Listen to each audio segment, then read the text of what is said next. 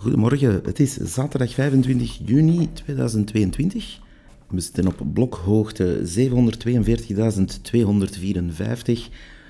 Uh, in Amerikaanse dollars staat 1 bitcoin op 21.490. Dat betekent 20.370 euro's, oftewel uh, 4.430 Big Macs. Die battle voor de 20.000 dollar, die er eigenlijk de voorbije dagen is uh, gebeurd, die is wel degelijk in uh, de richting van ja, de bulls, zullen we het dan maar uh, noemen, aan het gaan. Maar natuurlijk, we zijn nog niet helemaal daar. Uh, er is wel degelijk een stevige knauw gekomen in de markt. En uh, of we echt uit die bear market beginnen kruipen of niet, ik vermoed stilaan van wel. Maar ik ben dan ook geen technische analist die daar uh, ja, allerlei lijntjes en allerlei grafiekjes gaat tekenen. Om ja, wat dan ook te kunnen bewijzen in de toekomst. dat laat ik aan anderen over. Maar het is wel duidelijk dat we ja, een stevige knauw hebben gekregen. Toen ik met de podcast begon, ging het aantal Big Macs rond de 9000 en dan is dat snel naar de 6000 gezakt en nu zitten we rond de 4400. En dan hoor je natuurlijk uh, ja, mensen die voor de morgen schrijven of te veel wijn hebben gedronken natuurlijk zeggen, ja, maar bitcoin, dat is toch geen goede store of value? Ja, uh, kijk eens naar uw aandelenportefeuille, zou ik zeggen, of kijk ook eens langere termijn. En dan zie je daar een heel ander verhaal. Dus daarom dat we dat een beetje tracken. En het is ook wel leuk eigenlijk dat ik deze podcast net ben gestart toen de downturn begon. Want dat uh, laat ons ook toe om mooi die evolutie te zien in de ene of de andere richting. En dat, uh, dat maakt Bitcoin nu eenmaal mooi. We gaan een paar nieuwsfeiten doorlopen vandaag. Het is een iets kortere aflevering. Ik heb ook geen zin om een rant af te steken van een half uur. Dus uh, u bent veilig vandaag.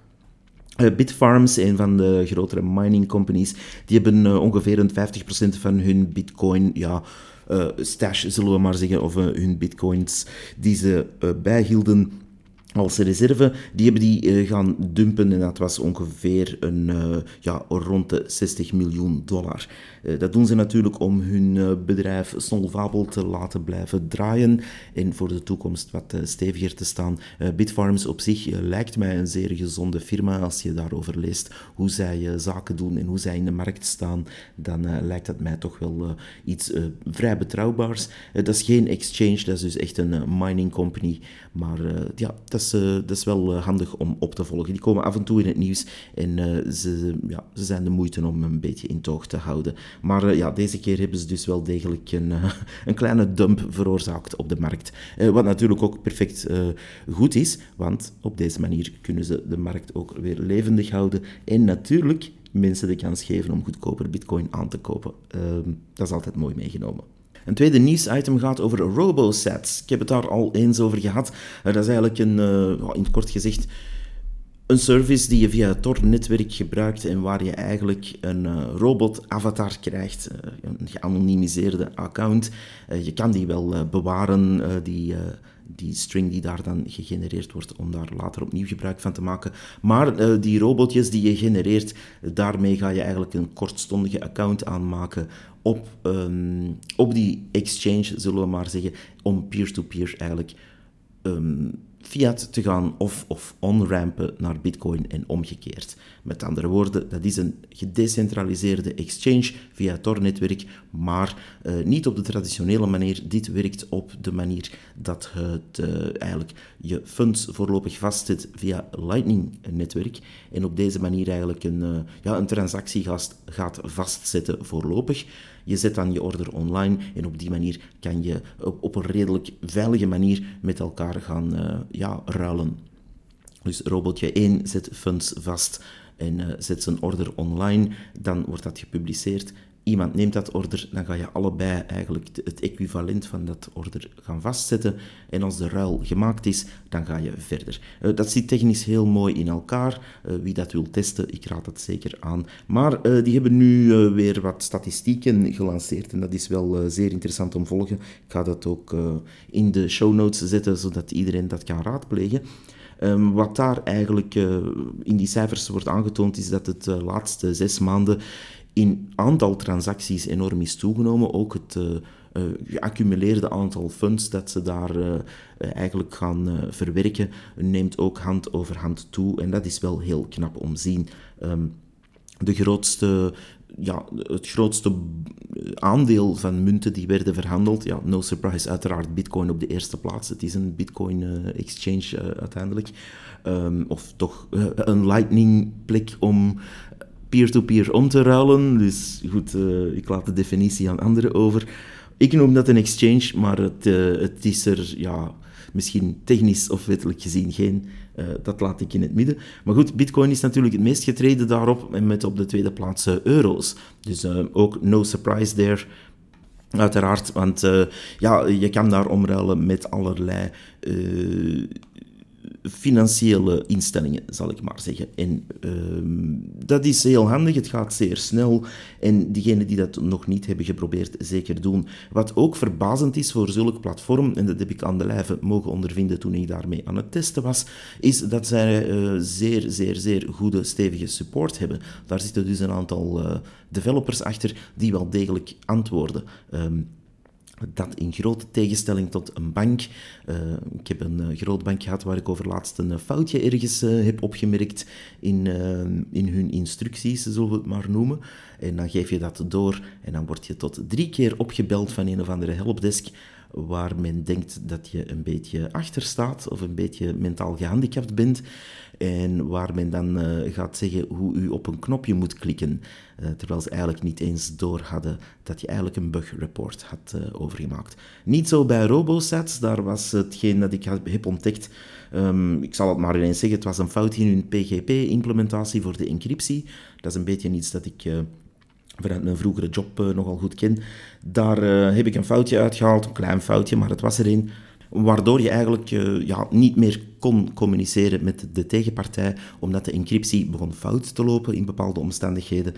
En ja, een tien uur later was dat zelfs al gefixt. Dus het was niet zo dat er daar uh, uh, werd uh, lacherig over gedaan of dat er niemand naar keek. Gewoon tien uur later was dat ook in hun code al meteen opgelost. Dus om maar even te zeggen, dat zijn, ja, dat zijn bedrijven, zal ik maar zeggen, of toch organisaties, of toch een groep mensen die wel degelijk iets bouwen en die daar de nodige kracht achter zitten en de nodige wilskracht achter zitten om dan uiteindelijk gewoon performanter te zijn dan vele banken. Uh, probeer die robosets zeker uit. Uh, het is wel, uh, ja, er zijn ook een paar kleine minpuntjes aan, bijvoorbeeld om het toch niet helemaal alleen maar te bewieroken. bijvoorbeeld als je zo'n robot-avatar daarop gaat creëren, en je wil dezelfde opnieuw gaan gebruiken, dan moet je niet vergeten die rewards telkens terug aan te zetten. En ook uh, de, de interface om eigenlijk je robot uh, terug daarin te zetten, zal ik maar zeggen, met die uh, bewaarde reeks cijfers en letters, die string, om dat dan terug op te roepen. Dat is niet zo evident, omdat je eigenlijk eerst wordt gevraagd om in het orderboek te gaan. Dus er zijn een paar quirky dingen in de interface die ik anders zou doen, maar de basisfuncties waar het om dient, ja, lopen zeer goed en daar draait het natuurlijk om. Um, en ik ben er ook uh, zeker van dat ze aan die paar dingen die ik nu aan het niet pikken ben, ooit wel eens een mouw uh, gaan aanpassen. Dus blij om te zien dat meer en meer mensen dit gebruiken, uh, aan de cijfers te zien. En dat is ook natuurlijk niet verbazend wanneer je ziet wat er op de markt allemaal gebeurt op andere plekken om bitcoins te gaan traden of bij te houden of wat dan ook, dan is een RoboSats een geschenk uit de hemel. Um, wat dan weer een, uh, ja, hun tegenhanger uh, misschien wat meer pijn zou doen, maar ook daar zien we een stijging in, in het gebruik. Dat is BISC.netwerk, uh, eh, BISC.network moet ik zeggen. En die, ja, die, die zijn al wel wat langer bezig, die hebben een groter programma met daarin meer safeguards en zo verder. En die werken eigenlijk op layer 1, niet op Lightning. Um, maar ja, goed, werken volgens hetzelfde principe. En dat kan ik ook alleen maar aanraden. Dat is ook een zeer goede exchange. Nog uh, verder in het nieuws, Goldman Sachs heeft uh, bekendgemaakt dat ze de restanten of de leftovers van Celsius Network uh, willen gaan opkopen, moesten die toch bankroet gaan. En ehm, ja, daar dat rijst natuurlijk een paar vragen, want uh, er werd natuurlijk uh, hier en daar gefluisterd dat Goldman Sachs zeker ook aan de oorzaak zou hebben gelegen van, het, uh, van de neergang van onder andere het Luna-netwerk. En nu willen ze hier Celsius gaan opkopen. We zullen zien hoe dat gaat. In ieder geval, good luck with that, zou ik zeggen. Want ja, dat is natuurlijk iets waar wij als bitcoiners op zich weinig mee te maken hebben, omdat wij in dat soort netwerken of shitcoins niet zitten, normaal gezien. Over iets anders, de stablecoin wars. onderling hebben we natuurlijk het de UST Luna debakkelen gezien. En dan, uh, ik heb dat verder niet meer opgevolgd. Voor mij is dat dood, dat project. Er is wel een Luna 2 aangekondigd, of een UST 2. Uh, ja, ik zou zeggen, probeer het maar van de grond te krijgen daar in die dumpster fire.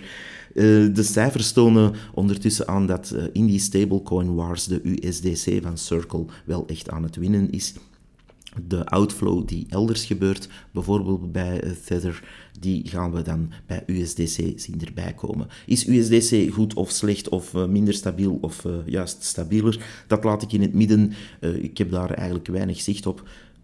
wat natuurlijk wel zo is dat Circle op zich een beursgenoteerd bedrijf gaat worden, want die hebben een eigen, eigen stok achterin, maar de, de kapitalen daarachter zijn toch, lijken mij, iets betrouwbaarder als je dan toch al voor een stablecoin kiest buiten Bitcoin. maar goed, eh, USDC is daar wel duidelijk voorlopig dan toch de winnaar. Maar ja, we weten niet wat de toekomst gaat brengen natuurlijk. Binance, uh, om een ander nieuwsfeit aan te halen, is uh, nog steeds in een ja, meer en meer fellere concurrentie betrokken met Coinbase. Um, nu vind ik die twee firma's om diverse redenen maar niks. Maar goed, het ene is een uh, bloatware en absolute slechtste wallet-oplossing die je maar kan bedenken. En um, ja, daar moet je dan ook nog, als er iets mis zit of uh, wat dan ook, zitten bidden en smeken om support te krijgen, laat staan om je funds daaruit te krijgen. We hebben ook full KYC en andere zooi qua data mining waarschijnlijk. Dus, uh, en daarbovenop dan ook nog eens een shitcoin casino waar ze ja, allerlei zeer dodgy projecten toch hebben opgelijst. Terwijl er andere, ja, als je dan toch uh, kijkt in de altcoin-wereld, zijn er af en toe ook wat betere projecten. En uh, die lijsten ze dan niet in favor van uh, dingen als ja, XRP of wat dan ook. Um, dus daar, ja, daar heb ik al mijn twijfels bij, bij heel Coinbase. Dat die dan beursgenoteerd zijn, is op zich wel interessant. Maar ik ben er altijd ver van weggebleven. Niet alleen als gebruiker, maar ook als investeerder. Binance zit daar meer en meer mee te concurreren.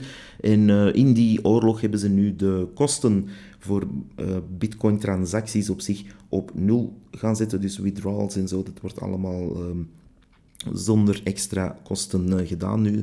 Ze hebben dat even gratis gemaakt bij Binance. En ja, het andere, dus Binance zelf, is eigenlijk ook een shitcoin casino met daar een eigen token nog eens bovenop ook. wat natuurlijk weer een eigen dynamiek meeneemt qua op uh, ja, economische gameplay, zullen we maar zeggen. Dus de, de kosten om die bitcoins dus af te halen bij Binance waren er even uh, uit. Uh, ik denk dat het nog zo is momenteel. Nu, um, ja, we zullen zien waar die oorlog Binance brengt. Ze zijn, zijn aan het proberen ook voet aan wal te krijgen in Europa meer en meer we zullen zien hoe dat uh, gaat. Uh, wie trouwens Coinbase, hun tegenhanger, heeft gekocht als uh, aandeel op de beurs tijdens de IPO, tijdens de lancering, heeft daar 381 dollar voor betaald een tijd terug. En dat is nu nog 62 dollar waard dan denk ik dat u toch beter af was om gewoon bitcoin te kopen. Uh, ik ben ook benieuwd wanneer grote investeerders, zoals uh, ARK Invest van Katie Woods, daar hun fout gaan erkennen of uh, gaan erkennen dat Coinbase misschien toch niet ja, het, het volgende grote ding was better than sliced bread, want het, uh, het is duidelijk niet zo. Um, nu, ik hoop dat die firma het overleeft en uh, voort kan draaien, maar ik zie het niet als een pro-Bitcoin firma in ieder geval. Als je ook kijkt wat hun leiding daar af en toe zegt over Bitcoin, dat is eigenlijk, ja... Ik noem het eerder een honeypot om uh, ja, mensen te misleiden. Ik blijf ver weg van Coinbase, sowieso. Een kleine side note die ik nog wil maken. Um, ik kom soms mensen tegen die uh, ja, wel bitcoins willen, in die zin puur om er winst op te halen op uh, korte termijn, maar die eigenlijk er niks van kennen, niks van weten, uh, er eigenlijk ook geen interesse in hebben, al zeker niet technisch, maar ook zelfs niet economisch, maar die me dan wel vragen van, kijk, uh, ja, ik heb in ja, een of ander nepkrantje van DPG iets gelezen, ja, of ja, ik wil toch wel bitcoins, en die gaan dan op zoek naar een equivalent zonder bitcoin te moeten kopen, uh, gaan ze dan op zoek naar een equivalent. En dat is op zich niet zo gek, wanneer je natuurlijk het hoedje opzet van een no-coiner die in de fiat-wereld leeft en dan toch zijn graantje wil meepikken van de eventuele prijsstijgingen bij bitcoin, dan is het nog niet zo gek om naar een uh, alternatief op zoek te gaan. En wanneer je dus zo bent, en dat zeg ik erbij, wanneer je dus zo bent, zou het eventueel een optie kunnen zijn om dus te gaan zoeken naar een fonds of een bedrijf dat een equivalent is daarvan. Neem dan alsjeblieft in mijn opinie niet Coinbase, want uh, ja, daar ben je slechter af dan uh, gewoon bitcoins kopen. Maar uh, je kan op zich de bitcoinprijs wel volgen. Zeker hier in Europa heb je een ETN, dat is een Exchange Traded Notes zijn dat eigenlijk. En die, dat is geen echte fund, het zijn eigenlijk notes die worden gebacked door een, financieel, door een financiële instelling, in dit geval Van Eck. En Van Eck, dat is natuurlijk een grote fund manager, en die hebben het VBT dus VBTC geschreven, fund uitgebracht dat je hier in Europa kan kopen. Als je dan toch een no-coiner bent, die uh, puur binnen de aandelenwereld wil blijven, maar toch uh, in bitcoin wil investeren, dan zou dat eventueel een optie kunnen zijn. Maar weet ik veel, ik heb hier een clownsneus op en ik weet niks over financiën, niks over de beurs en ik ben waardeloos qua financieel advies geven. Maar uh, dat bestaat. Ik kan alleen maar wijzen dat dat bestaat en dat kan u ook zelf verifiëren door dat even te googlen of te duckduckgoen of wat u ook doet online om dat terug te vinden. Um, het voordeel daarbij is dat je natuurlijk gewoon via je beursapp, je bank, je broker uh, dat uh, eh, ETN uh, eh, kan kopen. En die Exchange Traded Notes kan je dus op die manier in je portfolio zetten, mits natuurlijk het volgen van alle regels die daar dan weer bij horen. zijn de beurstaks, in welk land je ook zit, uh, of uh, makelaarskosten die je natuurlijk altijd hebt. Dus dat gaat net zo, uh, zeg maar iets, moest u Disney of Coca-Cola aandelen kopen, ja, dan hebt u dat natuurlijk ook. Het grote nadeel van zulke manier van werken is, ja, je blijft natuurlijk een no-coiner, want je hebt geen bitcoins. Je kan niet naar Van Eck gaan en zeggen, kijk, ik heb x aantal van jullie ja, aandelen, zal ik het nu maar even, van jullie notes gekocht.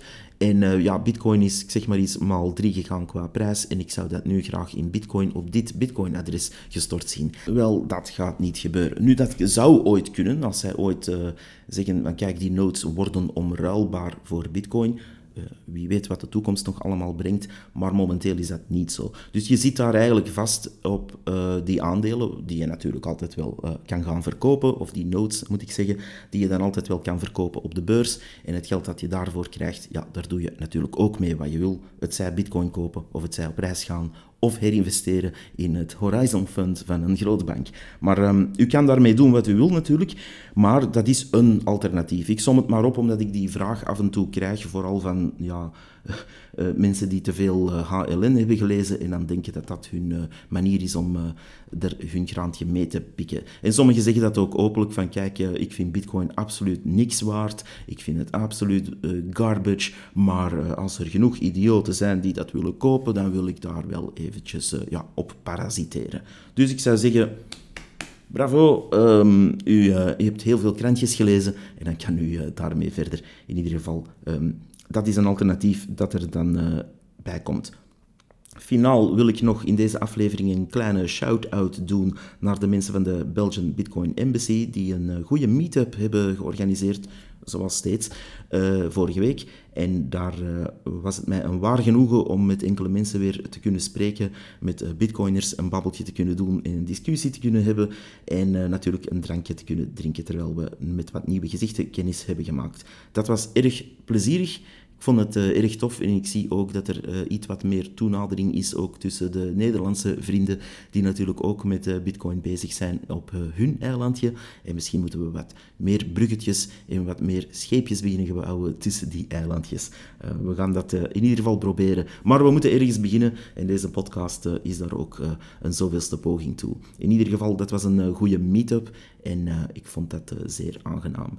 Ik kan ook nog even zeggen dat ik momenteel op de achtergrond uh, nog aan het werk ben aan een aantal projecten. Maar ja, misschien hebben jullie het ook gemerkt. Mei en vooral ook juni zijn zeer drukke maanden voor vele mensen. En dat is voor mij niet anders. Dus ik zal uh, de productie van deze podcast uh, ja, blijven laten draaien, maar het staat heel eventjes op een iets lager pitje.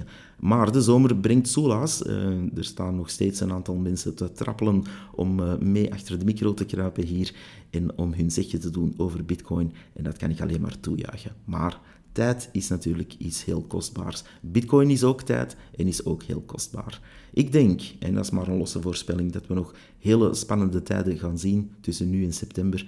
En uh, niet alleen qua prijsacties, maar ook het macro-economische. Super interessante tijden zijn het. Verder nog, uh, moest u mij willen contacteren, dat is contact at allesvoorbitcoin.be. Dat is natuurlijk een e-mailadres uh, voor diegenen die dat nog kennen. Via Twitter is dat at avbpodcast. Daar kan u de podcast zelf volgen. Ikzelf ben at Kimuraku. Eh, dat kan u ook wel zien als u de AVB-podcast volgt. Die ziet u dan wel verschijnen. En verder kan u ook de podcast steunen. En dat is via coinos.io slash alles voor bitcoin. Tot de volgende keer. Geniet nog van de zaterdag. En bye bye.